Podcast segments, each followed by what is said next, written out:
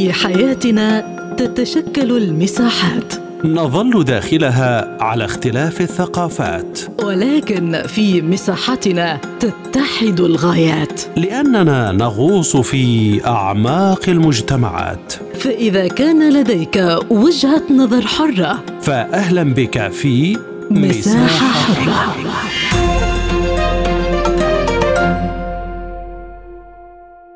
أهلا بكم مستمعينا الكرام في حلقة جديدة من مساحة حرة. معكم خلال هذه الحلقة دعاء ثابت.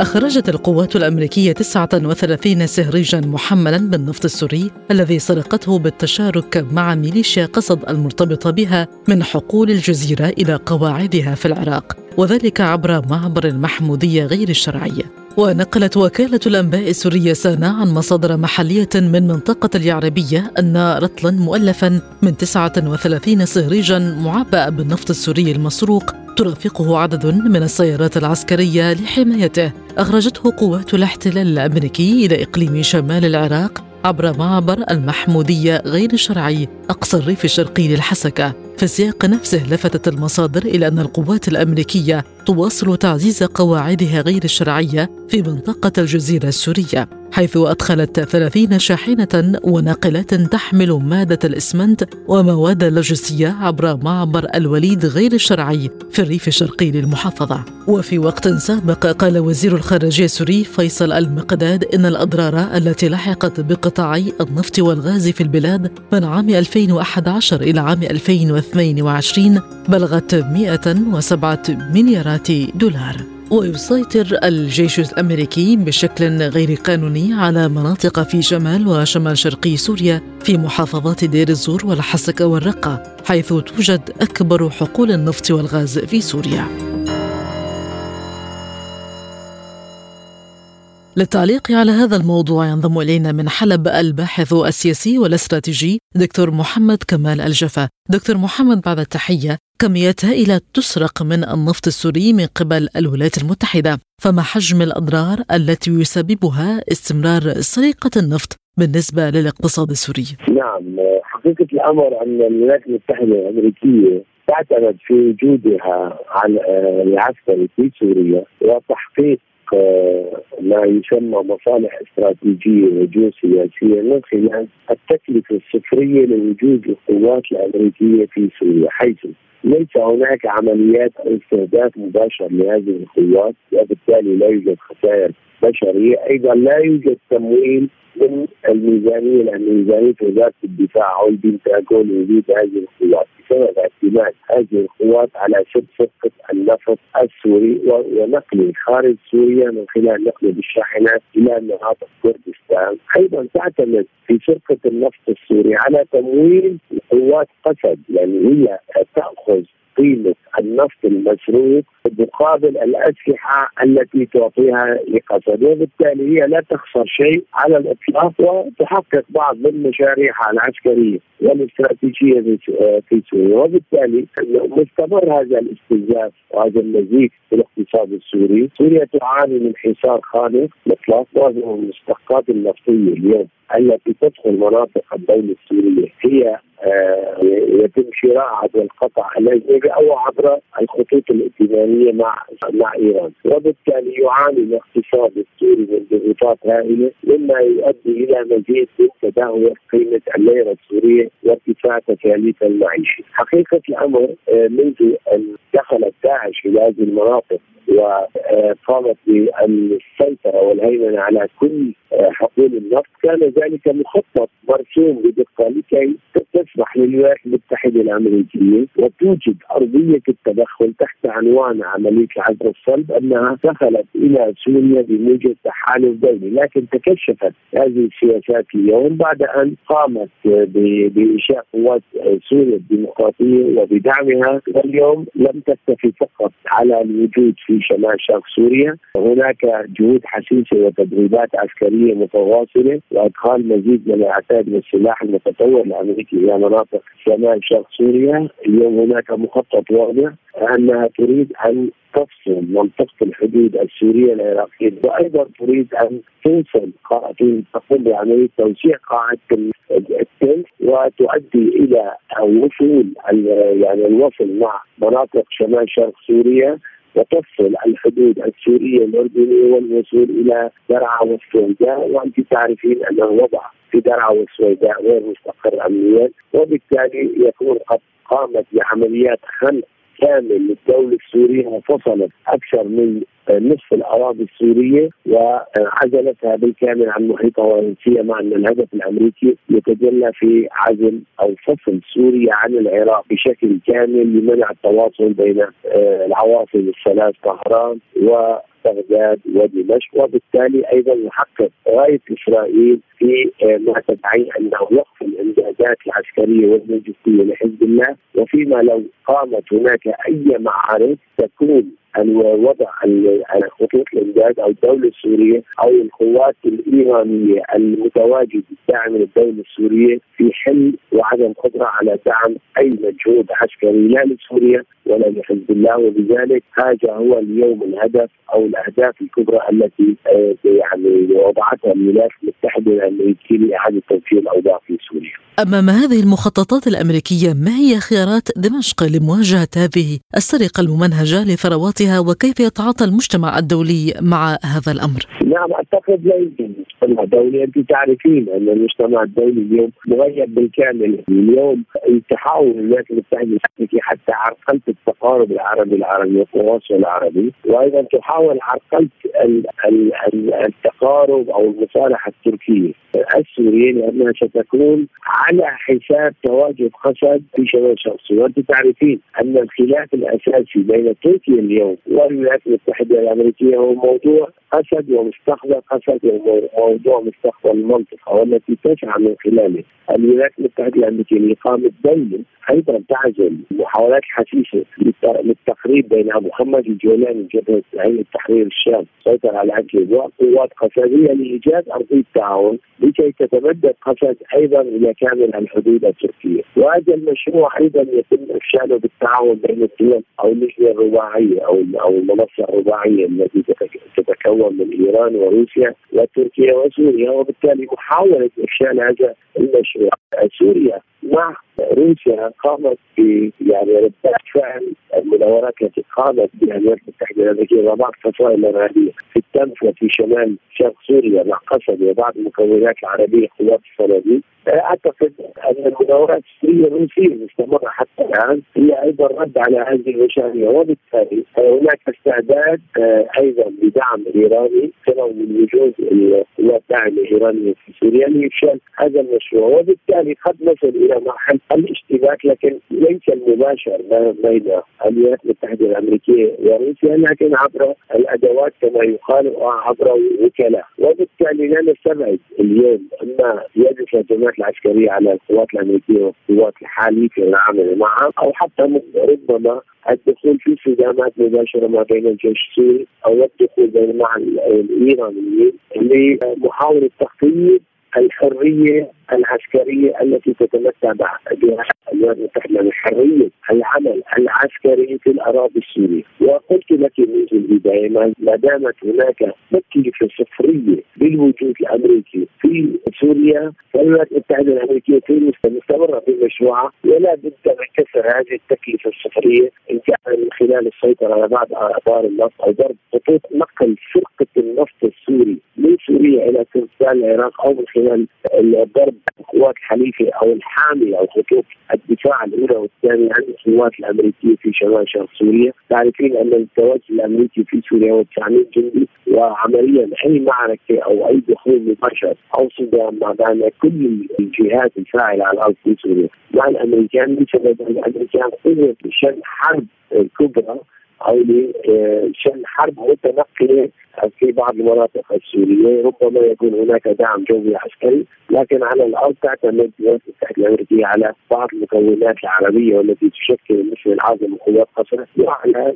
قيادات قصر بترسيخ وجود طويل الامد بالولايات المتحده الامريكيه في سوريا. بعد عودة سوريا للجامعة العربية إلى أي مدى يمكن أن يكون هناك تحرك عربي للحفاظ على ثروات سوريا؟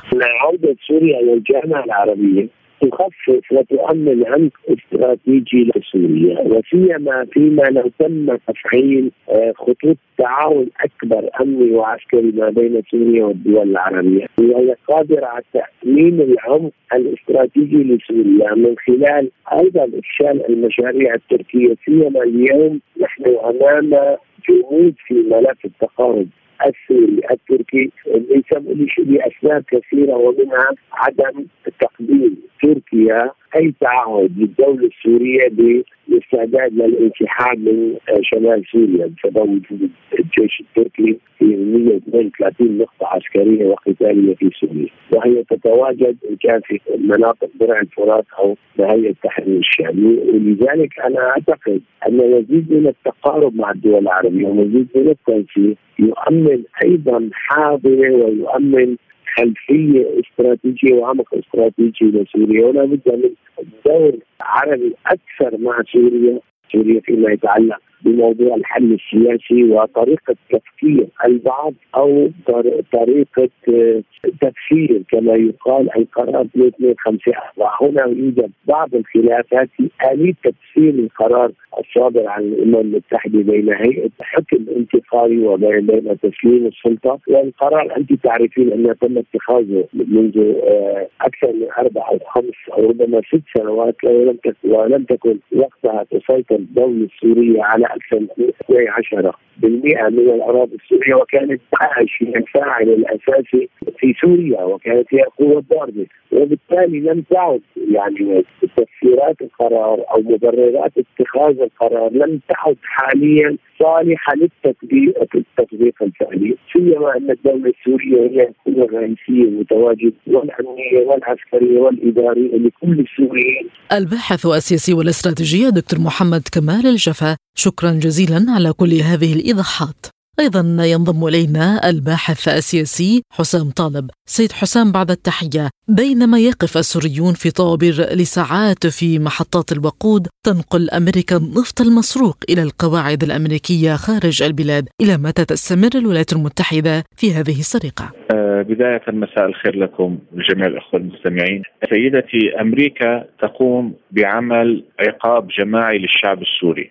يعني أمريكا عندما آه، كان تنظيم داعش يسيطر على النفط السوري كان هذا النفط تحت آه، يعني يدار من قبل داعش ومن قبل شركات أمريكية ومن قبل شركة لافارج الفرنسية وهذا الأمر بالوثائق. لكن عندما تم دحر تنظيم داعش أتت الولايات المتحدة وسيطرت على حقول النفط السوري وقامت بسرقة النفط وحرمان الشعب السوري من ثرواته سواء النفط والغاز. وأيضا لا يقل أهمية القمح، اليوم سوريا كانت تصدر القمح، اليوم تستورد القمح. ولدينا شح في موضوع الغذاء حقيقة في سوريا يعني أسعار مرتفعة. وشح رغم أن هذه المواد الغذائية القمح القطن كل هذه الأمور البقوليات كلها كانت إنتاج سوري وإنتاج الجزيرة السورية التي اليوم تحتلها أمريكا، إذا أمريكا مستمرة آه، طالما لا يوجد رادع، طالما لا يوجد قانون دولي يمنعها من السطو المسلح على البلدان الصغيرة مثل سوريا وغيرها، لذلك اليوم نحن آه، يعني نقاوم على قدر المستطاع، لدينا حلفائنا يعني آه، الحليف الروسي يستطيع تحييد خطر أمريكي كي لا يتوسع في الأراضي السورية ويزيد احتلاله، لكن هذا الاحتلال بالتأكيد يحتاج إلى رادع دولي الدولي يحتاج إلى آه، قرار من الامم المتحده إداني أقله لأن البقاء الأمريكي في سوريا يعني مزيد من الجوع، يعني مزيد من الوضع الاقتصادي المتردي، يعني مزيد من اللاجئين الذين يذهبون إلى أوروبا عبر البحر وغيره لأن الأفق طالما أن سوريا محرومة من ثروتها. الأفق أمام الشباب السوري أمام الشعب السوري مغلق حقيقة من الناحية الاقتصادية. اليوم لا نستطيع الحركة لا نستطيع الذهاب بشكل يعني المواصلات حتى معطلة آه، أو شبه معطلة بسبب فقداننا لثروتنا النفطية. واليوم نستورد النفط ونستورد الغاز وهذا يشكل عبء على الاقتصاد السوري المنهار جراء حرب 12 عام. لذلك اليوم أمريكا مستمرة في هذا العدوان مستمرة في هذا العقاب الجماعي على آه، الشعب السوري مستمرة في زيادة أزمات عالمية حقيقة. يعني كما قلنا موضوع اللاجئين هو أزمة باتت عالمية، موضوع عدم عودة اللاجئين الذين في دول الجوار في تركيا أو في الأردن أو في لبنان أيضا يزيد عبء على هذه الدول، اذا الوجود الأمريكي في في سوريا هو له تبعات سيئة على المنطقة وحتى على أوروبا. وأيضا عامل مساعد لبقاء واستمرار داعش والتهديد الأمني الذي نشاهده في كل يوم. هل هذه السرقة مدعاة لعدم رفع الولايات المتحدة العقوبات عن سوريا للاستمرار في عملية انهاب النفط؟ سيدتي الكريمة سوريا في حصار أو أو أو تفرض عليها عقوبات وحصار منذ سبعينيات القرن الماضي، لكن هذا الحصار لم يشكل يعني آه، كل هذه الفترة كل هذه العقود لم يكن يؤثر على الشعب السوري لأن الثروة السورية كانت بيد السوريين، يعني كانت كان كان نحن لدينا المواد النفطية يعني آه، أقل أسعار في المنطقة وفي العالم ربما، يعني كانت الأسعار زهيدة جدا. يعني كنا لا موضوع موضوع التدفئه، موضوع آه، المواصلات البنزين للسيارات كل هذا الأمر لا نحسب حسابه يعني. حتى الفقير يستطيع أن يعني آه، يكون لديه آه، مازوت للتدفئة طوال الشتاء. غاز لم نكن يعني أسعار قليلة جدا كما قلنا. حتى الفقير كان بإمكانه أن يحصل على غاز وعلى مازوت للتدفئة. ومن يمتلك سيارة موضوع البنزين كان موجود بشكل متوفر. اذا أمريكا اليوم من خلال هذا الحصار من خلال هذه السرقة بالتأكيد هي تساهم في آه، الحصار. الحصار دون سرقة الثروات لا يؤثر إلا بنسب قليلة، لكن مع سرقة الثروات أثر بشكل كبير، حقيقة نحن ليس الحصار من من يؤثر علينا كما قلنا منذ عقود محاصرين، لكن ما يؤثر علينا هو فقداننا للثروه السوريه وسرقه هذه الثروة السورية، أيضا يعني هناك أمر مهم جدا سيدتي، هذه الثروة السورية تسرق تمول منها الإرهاب، يعني اليوم أمريكا آه، بكل وقاحة وبكل وبكل جرأة أمام المجتمع الدولي أو امام الرأي العام العالمي تقوم بتشكيل جيش من إرهابي داعش في الجزيرة السورية سمته وفي التنف سمته الجيش السوري الحرة. وهو من عناصر داعش. يعني موثقين أنهم كانوا يقاتلون مع داعش وتطلقهم من من سجون ينتجون الباغوز والركبان والهول اذا هي دائما تستثمر بالإرهاب لكن اليوم تستثمر بالإرهاب وتمول هذا الإرهاب من الثروة السورية يعني تمول قتل السوريين من ثروه السوريين. اذا نحن اليوم أمام واقع كما قلنا واقع خطر على المنطقة وعلى العالم وليس فقط على سوريا وهذا الأمر موضوع الاقتصاد موضوع مهم جدا. اليوم حرب اقتصادية اليوم حرب إرهابية تخوضها سوريا وهذه الحرب إذا لم يكن هناك إجراءات آه، تمنع الأمريكي من آه، دعم الإرهاب ومن سرقة الثروة السورية بالتأكيد سيكون هناك انفجار. وهذا الانفجار انفجار يعني ربما موضوع اللاجئين موضوع أمني الفقر سيدتي الفقر هو آه، أكبر خطر على المجتمعات وعلى الدول. واليوم نحن في سوريا نعيش في حاله في هذه الحالة من الفقر. الصين دعت لمحاسبة الولايات المتحدة عن سرقتها للنفط السوري وذكرت أن روسيا ربما تستطيع تحييد خطر الولايات المتحدة هل يحدث تحرك دولي من أجل إيقاف النهب الأمريكي لثروات البلاد؟ آه، سيدتي يعني آه، طالما نتحدث عن الصين وروسيا نتحدث عن عمل من دول صديقة لسوريا، صديقة للإنسانية حقيقة وترفض السطو الأمريكي على سوريا وعلى غيرها، يعني الصين تدين حصار كوبا، تدين حصار سوريا، تدير ما, ما تفعله أمريكا في فنزويلا، آه، تدين دعم آه، النازيين في أوكرانيا بقنابل عنقودية وغيرها، هذا الأمر موقف صيني إنساني آه، عالمي، لكن اليوم المجتمع الدولي مسيطر عليه من قبل من قبل أمريكا، روسيا اليوم ما تخوضه من حروب سواء في أوكرانيا ضد النازيين وضد المتطرفين وأيضا أيضا في في سوريا ضد داعش وضد جبهة النصرة. هذه الحروب هي حقيقة لخلق حالة من التوازن في العالم، هذا التوازن إذا لم نصل إلى حالة من التوازن، إذا لم نصل إلى حالة من تعدد الاخطار آه تبقى أمريكا مسيطرة على المؤسسات الدولية ونشاهد يعني منظمة حظر الأسلحة الكيميائية آه، تقاريرها يعني آه، مكتوبة في الخارجية الأمريكية، آه، منظمات الإنسانية كلها تعمل تحت أمرة الأمريكي، يعني اليوم حتى نحن محاصرين من قبل منظمات إنسانية، اليوم موضوع التعافي المبكر لم تلتزم به المنظمات الإنسانية رغم كل التسهيلات التي قدمتها سوريا بضمانه روسية أيضا. اليوم اليوم موضوع موضوع إعادة البنية التحتية لم يعني الذي كان بعد الزلزال ورفعت العقوبات أو علقت العقوبات عن المنظمات الإنسانية، يعني لم يشهد العالم مثل هذه الوقاحة أن يفرض عقوبات على منظمة إنسانية إذا قامت بالعمل ومساعدة السوريين، اليوم يحصل هذا الأمر، أيضا لم يلتزموا، وهذه العقوبات أو تعليق العقوبات كان شكلي ولم نلاحظ شيء على الأرض، اذا نحن اليوم أمام واقع. إذا لم يتغير البنية العالمية، بنية الأمم المتحدة، تعدد الأقطاب حقيقة سيبقى الواقع كما هو ستبقى الأمم المتحدة مختطفة، اليوم الأمم المتحدة لا تجرؤ على إدانة تزويد أمريكا لأوكرانيا بالقنابل العنقودية رغم أنها من أخطر الأسلحة التي تبقى لسنوات ولعقود ربما، إذا نحن اليوم أمام واقع دولي ضعيف مسيطر عليه من قبل الأمم المتحدة آه، من قبل أمريكا عفوا الولايات المتحدة. تحاول روسيا والصين خلق حالة من التوازن لكن إلى الآن هذا الأمر يعني آه، آه، نرجو أن لا يصل إلى حرب عالمية كبيرة. لكن بالتأكيد أمريكا إذا لم يتم الضغط عليها بشكل عسكري وبشكل وبشكل سياسي وبشكل يعني بعدة أشكال ستبقى تحتل سوريا ستبقى تشعل السودان ستبقى تدعم النازيين والمتطرفين في أوكرانيا.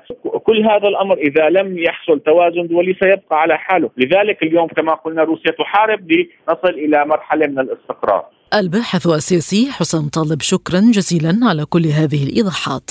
وينضم إلينا دكتور علاء الأصفري الخبير السياسي والاستراتيجي. دكتور علاء بعد التحية الولايات المتحدة ومرتزقتها يسرقون ما معدل 66 ألف برميل نفط يوميا في سوريا، كيف يمكن إيقاف هذه السرقة؟ اولا سرقة النفط السوري من قبل جيش الاحتلال الأمريكي له هدفان رئيسيان، اولا تمويل لعصاباتهم في قسد في شرق الفرات، وثانيا للضغط الاقتصادي الهائل على سوريا وحرمان الشعب السوري من آه، حقه في استثمار موارده النفطية وغير النفطية، اليوم أمريكا تعتبر جيش احتلال لذلك الحل الوحيد لهذا الموضوع أن يكون هناك مقاومة شعبية فعالة وقد بدأت وهناك خسائر من الجيش الأمريكي يتم السكوت عنها ويتم لفلفه الموضوع، اليوم في سوريا لا بديل لنا عن المقاومة الشعبية التي يجب أن تحرر هذه الأرض من هذه العصابات ومن ورائها الجيش الاحتلال الأمريكي، اليوم هم يريدون بدون خنق الاقتصاد السوري وخنق الشعب السوري ويدفع الآن 20 مليون سوري سبب سبب قاسي دعيني أقول بحصار غير مسبوق وغير إنساني على سوريا. منها الجزء الأكبر هو 85% من النفط السوري الآن يسرق تحت أعين الجميع بدون أن يكون هناك مرجعية دولية أو تدخل فاعل للأمم المتحدة. لذلك أمريكا الآن الحل الوحيد هي أن تطرد من هذه المنطقة ولو كان عن طريق المقاومة الشعبية وهذا ما يحصل الآن الان ويتم التحضير بأن يكون هناك قتلى أمريكيين في المستقبل القريب ليتم طردهم كما فعل إخواننا يوما ما في المقاومة في لبنان عندما تم تفجير السفارة الأمريكية في لبنان وطرد المحتل الأمريكي من هناك. ماذا عن الدول الصديقة لسوريا والتي تطالب بإيقاف جرائم الولايات المتحدة ورحيلها؟ اليوم أعتقد بأنه ولا شرع للأمم المتحدة، اليوم أعتقد بأن الصين وروسيا لم تقصرا تجاه سوريا وهم يطالبون دائما برحيل ترحيل القوات الأمريكية المحتلة ومنع هذه الصفاقة بسرقة محاصيل السورية ومحاصيل منها النفط منها القطن منها القمح. يعني منذ أيام تم حرق ملايين آلاف الدنومات هناك لأن المزارعين آه، لم يخضعوا للأوامر الأمريكية وأوامر قوات قسد الانفصالية بتسليمهم المحصول. لذلك تم حرقها عن طريق الطائرات المسيرة الأمريكية. هذا يؤكد على أننا شعب سوف نقاوم وأنه لا بديل عن الطرد المحتل الأمريكي كما حدث في فيتنام. وبالتالي أعتقد اعتقد بأن الأمور هناك في شرق الفرات تحضر الآن لهذا الموضوع وخلال فترة قريبة بإذن الله سوف نشهد طردهم بشكل كامل. ما تداعيات عودة سوريا للجامعة العربية على صعيد تعزيز القدرة على مواجهة الولايات المتحدة؟ كنا واضحين في القمة العربية وكان السيد الرئيس بشار الأسد واضحا بأنه لا يوجد مقايضات. اليوم عندما يتم إرجاع سوريا إلى الجامعة العربية تقوى الجامعة العربية بسوريا. ليس هناك ما يسمى أحضان إنما نقول بأن سوريا هي قلب العروبة وقلب الجامعة العربية. ننظر للأمور الآن بتفاؤل حذر أيضا لا ننسى أن الدول العربية مجتمعة تخاف من أن تطالها العقوبات الأمريكية. لذلك لسنا متفائلين ولسنا متشائمين. اليوم الأمور سوف تتوضح الفترة المقبلة هل العرب جادون في مساعدة سوريا وإنقاذها اقتصاديا؟ بدون شروط تمس السيادة السورية، غير مسموح نهائيا أن أن يضع أي أحد شرط على السيادة السورية، هذا موضوع يعتبر خط أحمر لدينا هنا في سوريا، لذلك أعتقد بأن الأمور جيدة تعتبر الآن مع أصدقائنا العرب، هناك تحاور فردي بين الدول بيننا وبين الدول العربية كل على حدة، وبالتالي أعتقد بأنه سوف ينضج بإذن الله حل سياسي يرضي جميع الأطراف وترضي السيادة السورية. لانطلاق فيما بعد بمرحلة إعادة الإعمار ولملمة ما يمكن بعد هذه المجازر الهائلة التي دعمتها أمريكا وإسرائيل والغرب على الأرض السورية. ما تبعات استمرار الوجود الأمريكي في سوريا على المنطقة؟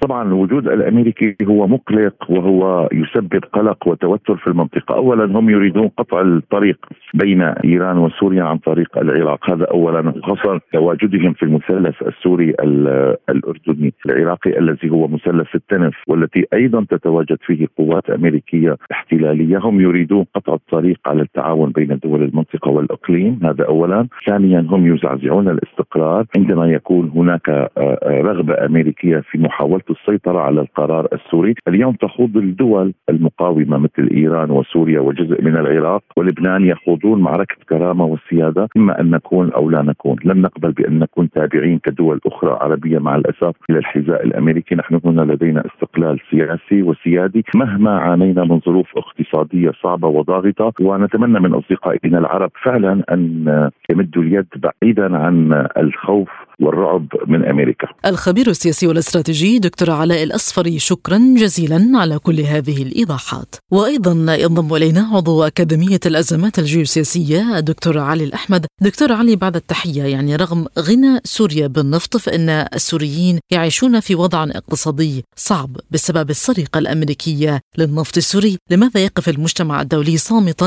أمام هذه السرقات؟ يعني عندما نقول كلمة المجتمع الدولي يخيل لنا أن كل المجتمع الدولي. حقيقة آه، تقصدين حضرتك الغرب وليس المجتمع الدولي لأنه الغرب متعاضد متكاتف فيما بينه فيما يتعلق بسرقة شعوب الأرض كلها بما فيها سوريا. عندما نتحدث آه، عن إنجلترا آه، يمكن أن تسحب هذا الكلام على الولايات المتحدة الأمريكية، وهذا الأمر أيضا فرنسا، نتحدث عن حلف شمال الأطلسي كله. آه، نعم هنا يمكن أن نقول أنه ليس فقط صامتا وإنما هو شريك في هذه السرقة، الولايات المتحدة الأمريكية هي رأس هرم وهذا المجتمع الغربي الذي على ما أعتقد تقصدينه، أما فيما يتعلق بالنصف الآخر ومن المجتمع الدولي يعني أنا نقصد كل الشرق نقصد هنا الصين روسيا مجموعة دول البريكس مجموعة شنغهاي إلى آخره فهو لا, لا يقف يعني. يقول كلمته ولكن للأسف الشديد الغرب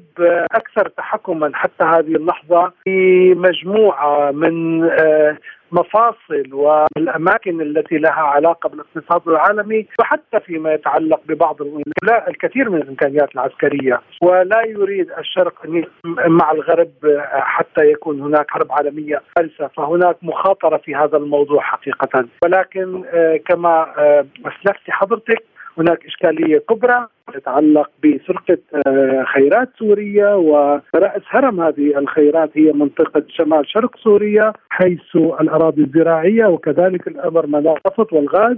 وتعرف الولايات المتحدة الأمريكية أين تضع إصبعها أو أو تضع آه، يدها. فعندما شنت الحرب على العراق كانت غاية الحرب هي قطع خطوط امداد النفط لكثير من الدول وعلى رأسها طبعا الصين. وكذلك الأمر فيما يتعلق بسوريا هي التحكم بخيرات هذه البلد والتحكم أيضا في المنطقة ككل بالمنطقة العربية ومنطقة الشرق الأوسط كما يسميها الغرب، فبالتالي الإشكالية الكبرى تكمن الولايات المتحدة الأمريكية تقوم دائما بحروب. هذه الحروب هي من أجل سرقة خيرات الشعوب بما فيها سوريا. إذا كان المجتمع الدولي عاجزا عن إيقاف هذه الجرائم الأمريكية، فما خيارات الحكومة السورية وهل الحل في المقاومة الشعبية لردع أمريكا؟